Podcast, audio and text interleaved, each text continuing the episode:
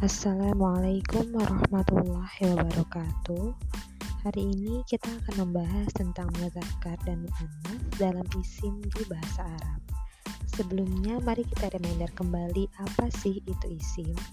Kebanyakan dari kita akan menafsirkan isim sebagai kata benda. Namun, isim sendiri itu tidak hanya kata benda, tapi termasuk dengan kata sifat dan kata ganti di dalamnya.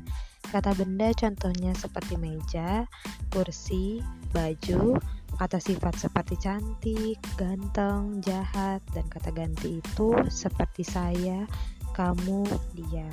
Nah, di saat kita bertemu dengan suatu isim, maka kita harus langsung mencari, kita harus langsung mengkritisi dalam isim tersebut bahwa isim tersebut terdefinisi atau tidak, apa gender dari isim tersebut, berapa banyak isim tersebut dan apa irobnya.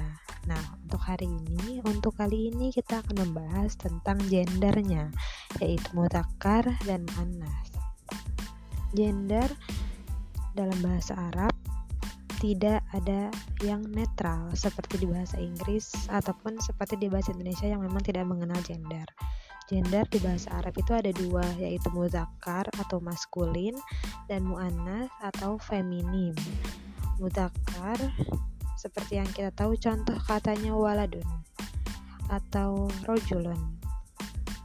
Waladun yang berarti anak laki-laki dan rojulun yang berarti pria termasuk ke dalam isi muzakkar dan bintun yang berarti anak perempuan atau imro'ah yang berarti wanita masuk ke dalam isi mu'annas. Lalu bagaimana dengan meja, matahari, bulan, kursi, gelas, garpu? Apakah mereka mudzakkar ataukah mereka mu'annas?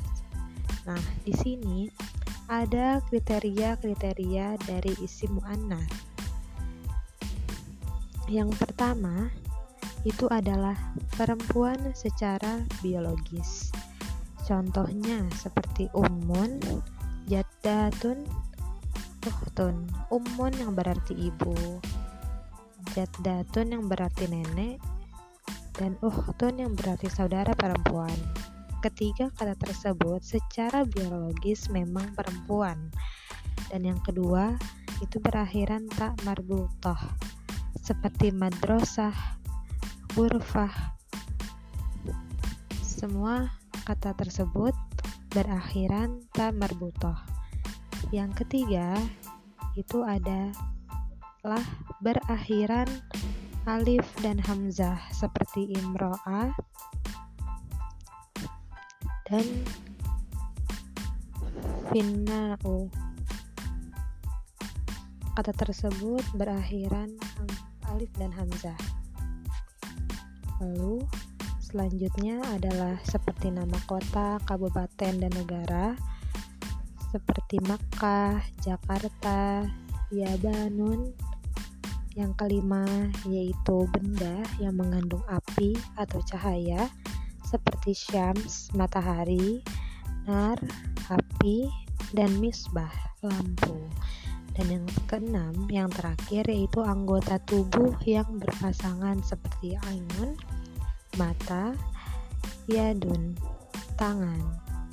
Jadi keenam kriteria dari isi mu'annas yang pertama adalah perempuan secara biologis, berakhiran tak marbutah, berakhiran alif dan hamzah, nama kota, kabupaten, dan negara, benda yang mengandung api atau cahaya, dan yang terakhir adalah anggota tubuh yang berpasangan.